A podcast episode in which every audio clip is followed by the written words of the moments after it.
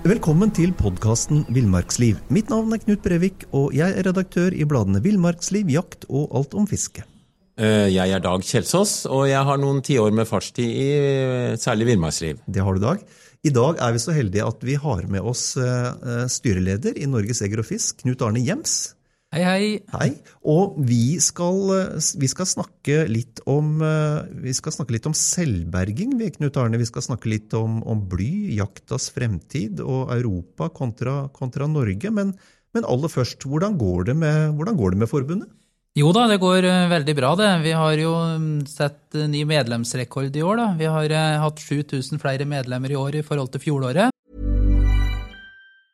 Cool fact a crocodile can't stick out its tongue. Also, you can get health insurance for a month or just under a year in some states. United Healthcare short term insurance plans, underwritten by Golden Rule Insurance Company, offer flexible, budget friendly coverage for you. Learn more at uh1.com. As a person with a very deep voice, I'm hired all the time for advertising campaigns. But a deep voice doesn't sell B2B, and advertising on the wrong platform doesn't sell B2B either. That's why, if you're a B2B marketer, you should use LinkedIn ads. LinkedIn has the targeting capabilities to help you reach the world's largest professional audience. That's right, over 70 million decision makers all in one place. All the big wigs, then medium wigs, also small wigs who are on the path to becoming big wigs.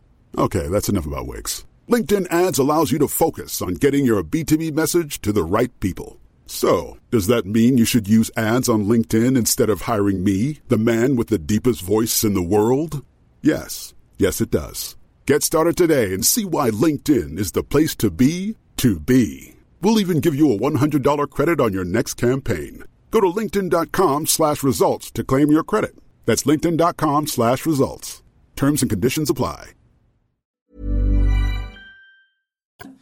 Og det har aldri vært flere medlemmer i Norges Jeger- og Fiskeforbund i sin 152-årige historie, da. Så, så, det er moro. Fantastisk. Hvor mange av dem er damer nå det siste året? Jeg har ikke sett den statistikken. Nei, nå har vi 20 000 damer. Oi. Så vi er vel kanskje det landet i Europa som har flest kvinnelige medlemmer, så det er veldig morsomt. Og vi trekker til oss litt nye mm, målgrupper, og spesielt er det damene som kommer til. og dette som du nevnte med sjølberging og slike ting, det ser ut til å bli viktigere og viktigere. Det å ta vare på matressursen, både det med fisk og vilt og slike ting, det er det mange som får opp øynene for. Så det er veldig bra.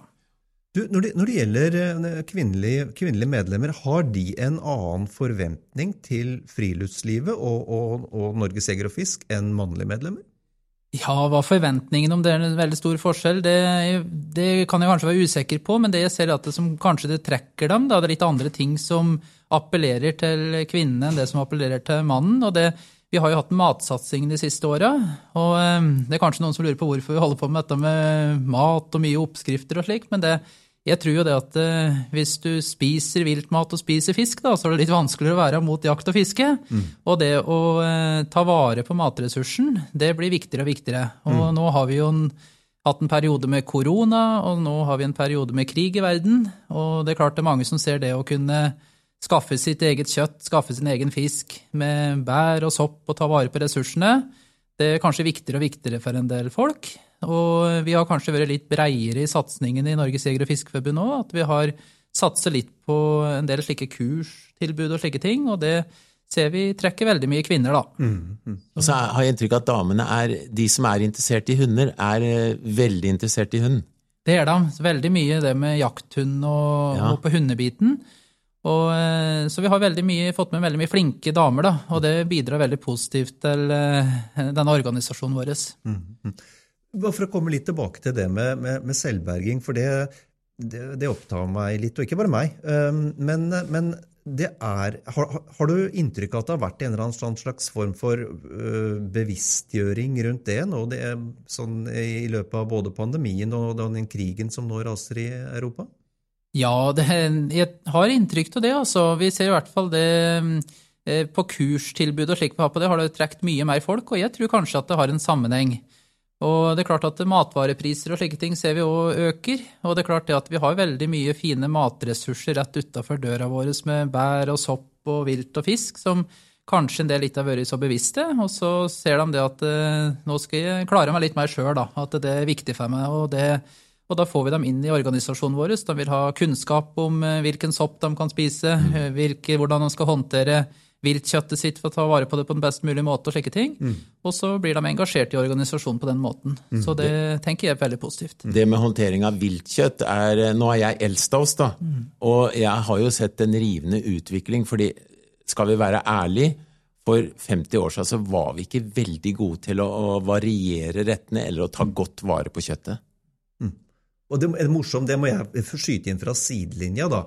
Fordi eh, du, Dag, har jo jakta i eh, mange år sammen med faren til Knut Arne. Nemlig, og det er litt morsomt, jeg husker jo Knut Arne da han var med på jakt. Han var en liten spiring eh, i, i starten der. Ja. Og, og jeg har hatt gleden av å guide ham til det første reinsdyret han har skutt, og det er jeg stolt av, for han, han tedde seg bra da, og det har han gjort siden nå. Takk for det, Dag. Det var en opplevelse. Det å felle det første viltet vet du, av en slag, det er noe som alt, aldri glemmer. Ja, ja, ja. Den opplevelsen og spenningen, og, og da kjenner du virkelig at den lever da, når den nærmer seg et dyr, og, og får en god opplevelse med det. Så, og det er jo det som er mye til rolle vår i Norges Jeger- og Fiskerforbund, å være på et vis eh, ta med oss barn og unge ut. Og det er kanskje der vi har den største utfordringen nå. Vi ser vi vokser nå på alle medlemsgrupper, unntatt barn og unge. Og det er kanskje den viktigste målgruppa, så nå har vi forsøkt i år da, å sette fokus på det. For de som er barn og unge i dag, da, det er jo dem som er morgendagens beslutningstakere, og som skal eh, være på Stortinget om 20-30 år og fortelle om det er positivt at vi akter eller ikke. Og mange føler kanskje litt fjerner seg fra naturen i dag, og det å jobbe der med organisasjon, være ute i barnehager, på skoler, eh, ta med seg viltkjøtt ut, ta dem med ut på fisketur og gi dem fine naturopplevelser, det, der må vi eh, i vår organisasjon eh, forsøke å spille en større og større rolle, for det, det er færre og færre som har med seg dette hjemmefra. Og det er en, forgu unnskyld, det er en forgubbing. Ikke, ja, du er jo harejeger, så du vet at det er, snittalderen på harejeger er vel 70 år snart. Ja da, Eh, så, så det trengs virkelig å gjøre noe på det feltet. Det gjør det. Så det med rekruttering, det kanskje det å ta med seg en ut, om en har en eh, nabogutt eller jente som en kan ta med seg ut og gi dem en fin opplevelse, eh, forsøke det å få med neste generasjon, det må vi på et vis være bevisste, alle vi som er jegerambassadører og fiskeambassadører, at her må vi bidra sjøl. Men, men, men jeg tenker, altså, tradisjonelt så har jo alltid jakt- og fiskeinteresse vært overlevert fra ene generasjon til neste som en sånn slags naturlig prosess i familien. Eh, eller utvida familie. Er, den svekka, er, er, eller er den i ferd med å forsvinne? Er det det du egentlig eh, peker på? Jeg tror vel i, i mange familier så er det jo fortsatt slik at det blir eh, ført videre fra far til sønn eller mor til datter, men i en, en del sammenhenger så vi ser jo det at vi har en urbanisering i Norge. Det er flere og flere som bor i store byer. Og vi ser det at eh, slik som slakting til jul, for eksempel. Da, så i, for, når faren min var ung, så var det helt vanlig å slakte grisen til jul eh, på hjemme. I dag er det vel de færreste som gjør det. Og, og det er klart, det å få inn disse tinga der på hjemmebane, det, det har de ikke naturlig hjemmefra. Og da, da er det noen som må ta dem ut og vise hvordan vi håndterer kjøttet, hvor kommer maten ifra. Og eh, jeg tror da at det her må vi som jegere og fiskere bidra til at neste generasjon får oppleve og får gode opplevelser knytta til dette der. Og vi skal ikke være redd for det. Eh, Jeg har noen ganger fiska ved campingplasser f.eks. Og, og, og spretta opp fisk. Plutselig så er det en flokk med unger rundt. Og de, syns ikke det er rart at det er blod, at eh, fisken er drept. For hvis du forklarer det her på en fornuftig måte, så skjønner de at det er faktisk en del av det vi lever i som menneske, at vi kan ta av overskudd i naturen. Og det gjelder også om du, om du slakter. Det er litt mer blodig enn en fisk, men allikevel. Barn har en utrolig evne til å ta det, og det har sikkert du erfart også. Absolutt, og egentlig jeg vært uten Jeg syns det er veldig spennende sjøl, så jeg har tatt med liksom Jeg har barn nå sjøl i barnehagealder og på barneskolen, og tatt med meg barnehagen ut, da. Og de er mye mer liksom forutsetningsløse, dem, men det hvis eh, de tar tak i at de tok med en tiur, for eksempel, og tok dem på nebbet på den og på øya og så på dette der, at Ja. vi, og vi flådde og stekte kjøtt i panna, da. Og de smakte nesten alle sammen. Og så noen uker etterpå, da var jeg ute med ungdomsskole, og de var mye mer skeptiske. For at dette var noe fremmed. Mm. det, så det å begynne med barna egentlig før de blir for store, kan du si, og så gi dem noen gode opplevelser til det, tror jeg er kjempeviktig. Hvis vi, hvis vi holder oss litt på den linja der, det med, dette med, med urbanisering og, og fremmedgjøring Hvor, hvor bekymra er du for jakta og fiskets framtid i et Europa som i stadig større grad blir urbanisert?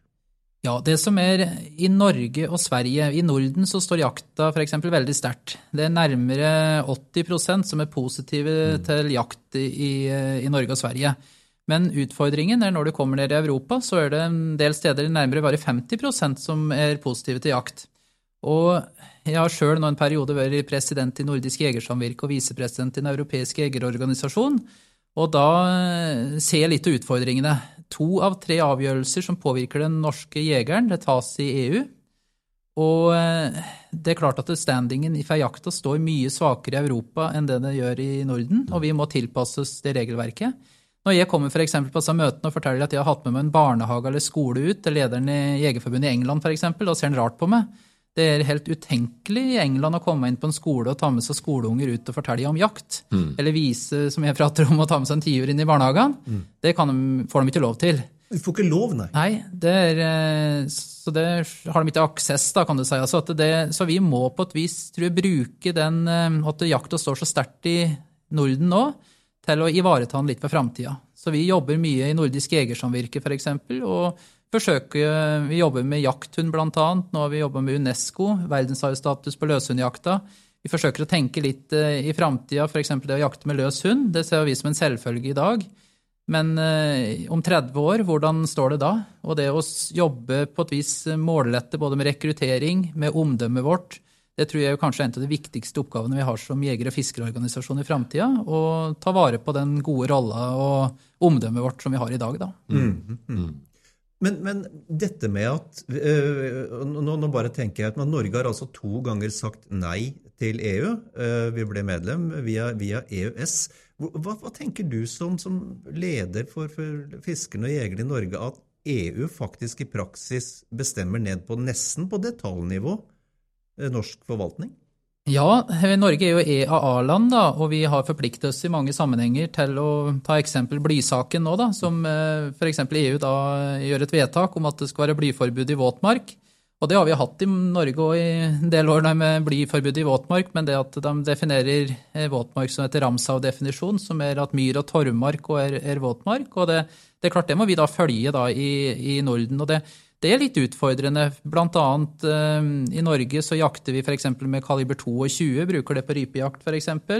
Vi sliter jo med det hvis det blir et blyforbud, for nå har vi ikke noe annet som fungerer med presisjonsmessig. Og eh, det med skytebaner ser kanskje som den største utfordringen. EU ser litt på nå på det med eh, bly og kulefang. Og f.eks. vi i Norden så jakter vi skyter jaktskyting på jaktfelt ute i felt. Vi driver med løpende elg. Og det er klart at skal vi bygge om alle skytebanene med kulefanger og slikt for å klare da en EU-standard, så vil det kunne koste et milliardbeløp og i praksis føre til en nedleggelse av alle små skytebaner rundt, mens vi får noen store riksanlegg.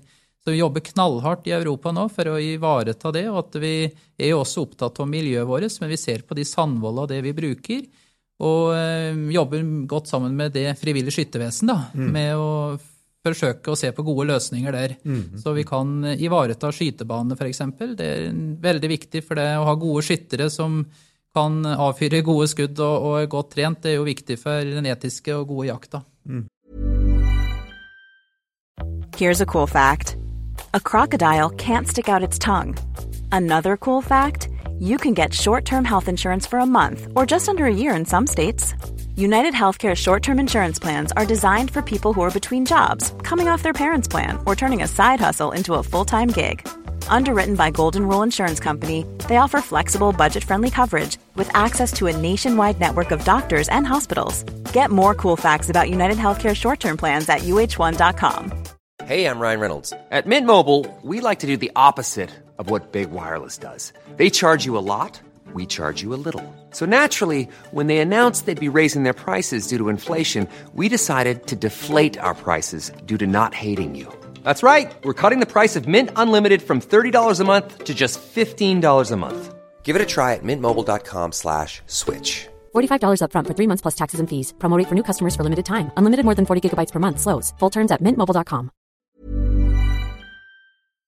Men, men det spørsmålet, Knut Arne, jeg tenker, dette, dette med bly og blyhagl det har jo vært en, et diskusjonstema i, i, i norsk jakt de siste ja, 40 åra. Eh, hva, hva, er grunnen til at svenskene har kommet fram til noen annen forståelse enn en Norge av, av, hva som ligger i Ramsar-avtalen? Ramsar, eh, ja, akkurat nå så drives det og jobbes med dette der, forståelsen av det med Vi veit nok det på Dette handler jo litt om tid. Eh, nå er det i Europa er, ser de at bly er, sier de at bly er, tiden er forbi med bly, og, og framtiden handler om andre materialer. At, og, og, den veien det går det nok når det gjelder blyhagl. Og det jobbes jo nå med å finne gode alternativer. Og vi vet jo at det finnes alternativer, men utfordringen har jo vært prisen. Og nå ser vi jo med figurjakt, f.eks. Så har de nå funnet bioammo. Det har jo vært en skytejaktskyttergren som er veldig populært, spesielt i Hedmark og Østfold, som har ligget nede noen år. fordi vi har ikke hatt alternativer med rikosjettfaren og slik, men nå har det kommet noe bioammo som vi tester ut, som eh, vi mener kan fungere. da.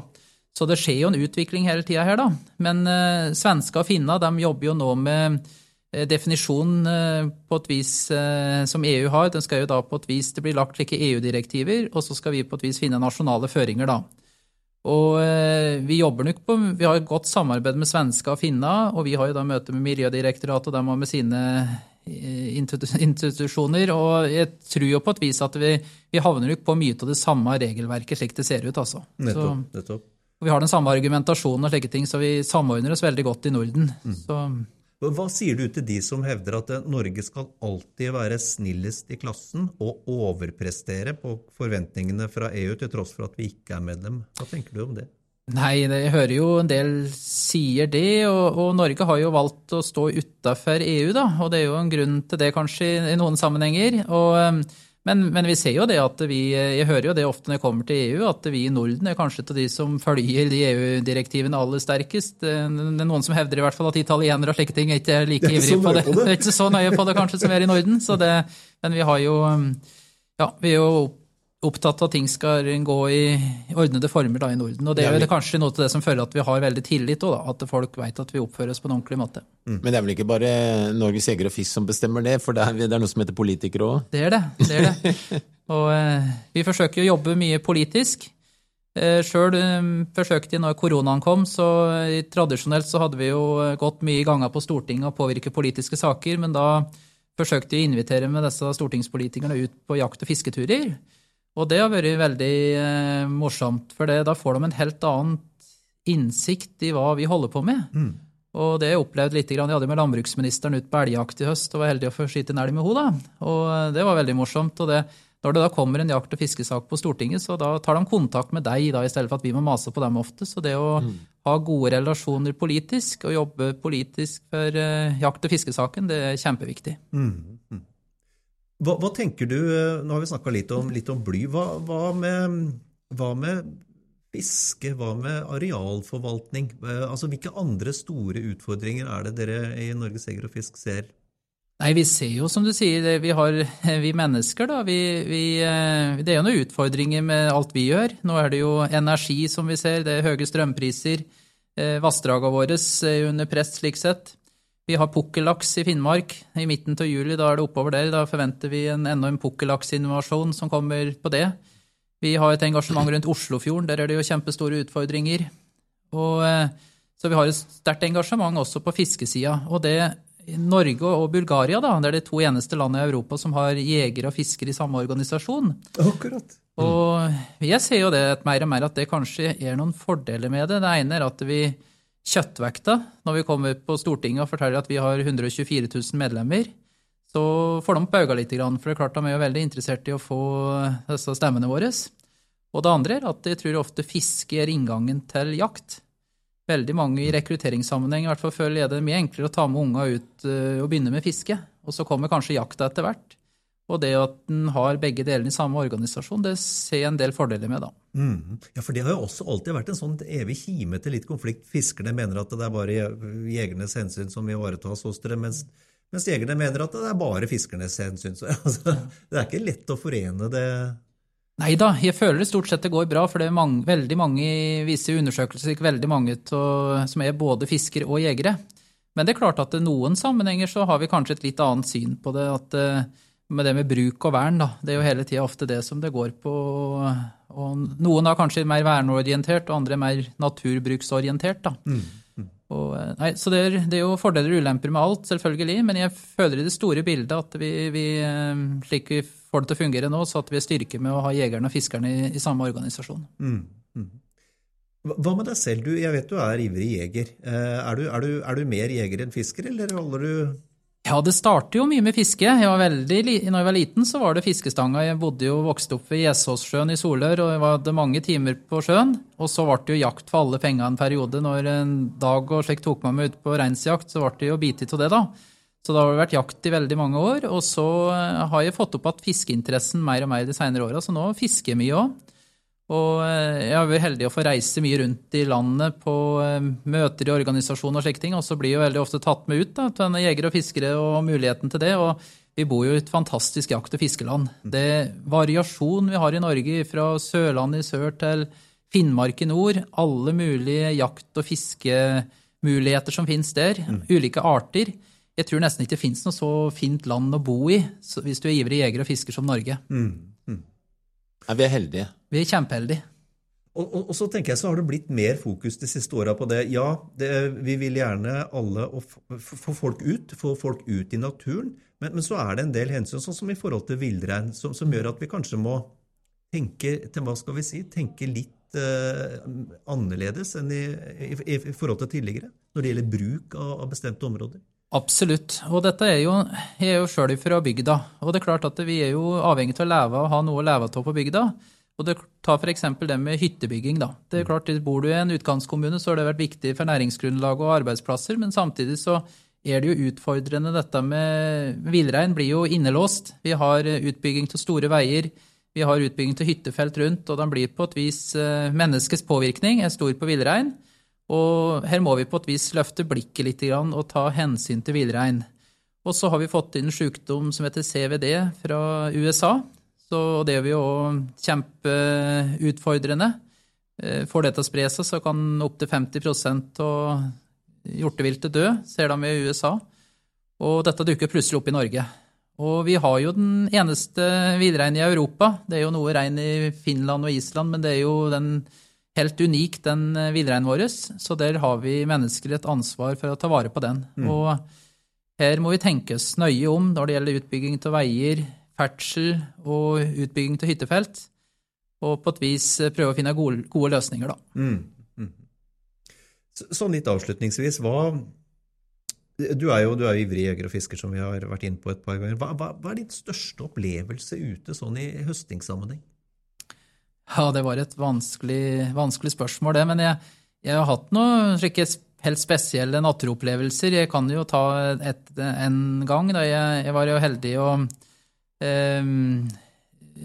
I 2014, da var det en eh, tidlig augustdag. Da var jeg ute og, og jakta, da. Og visste om en veldig fin rådyrbukk i området.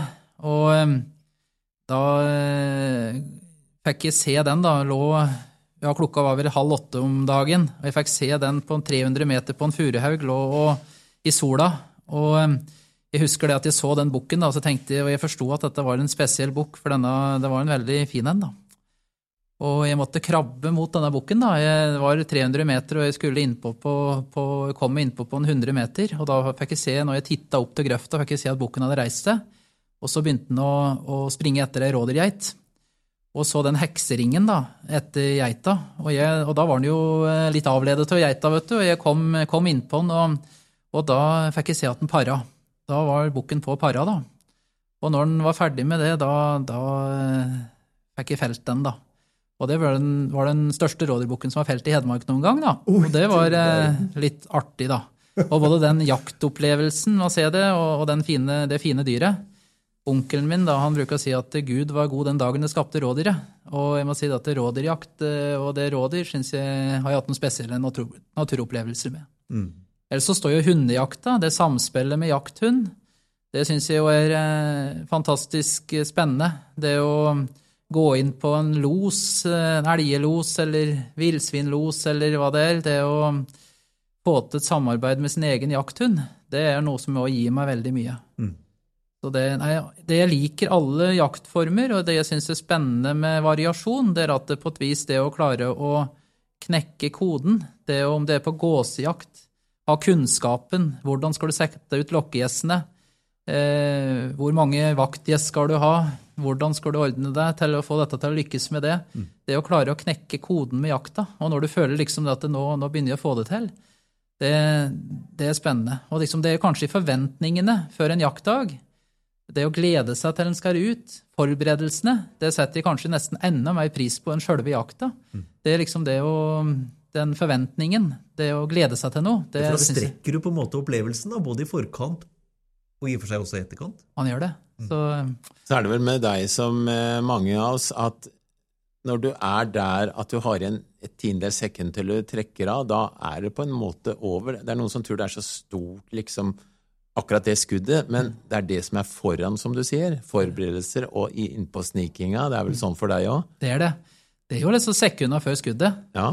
Og, og det er den spenningen både om, eh, som gjør at vi har eh, kanskje den spenningen da, med å høste mat, og det er jo formeringsevnen i sekundene før skuddet, det er jo det som gjør at vi holder på med det, tror jeg. Og den, så lenge en har den eh, rusen og det i blodet og den spenningen der, så, så det, gjør- det gjør jo at en aldri slutter med å jakte og fiske og interessere seg for det. Det er noe spesielt med det der. Og så er det alltid noe å lære. Det er det. Han blir aldri utlært. og, og for da man tror liksom at man kan noe med det, så detter han fort ned på jorda igjen. Og det, det er jo det som er fascinerende med det, at han blir aldri utlært i naturen, og må være ydmyk for det.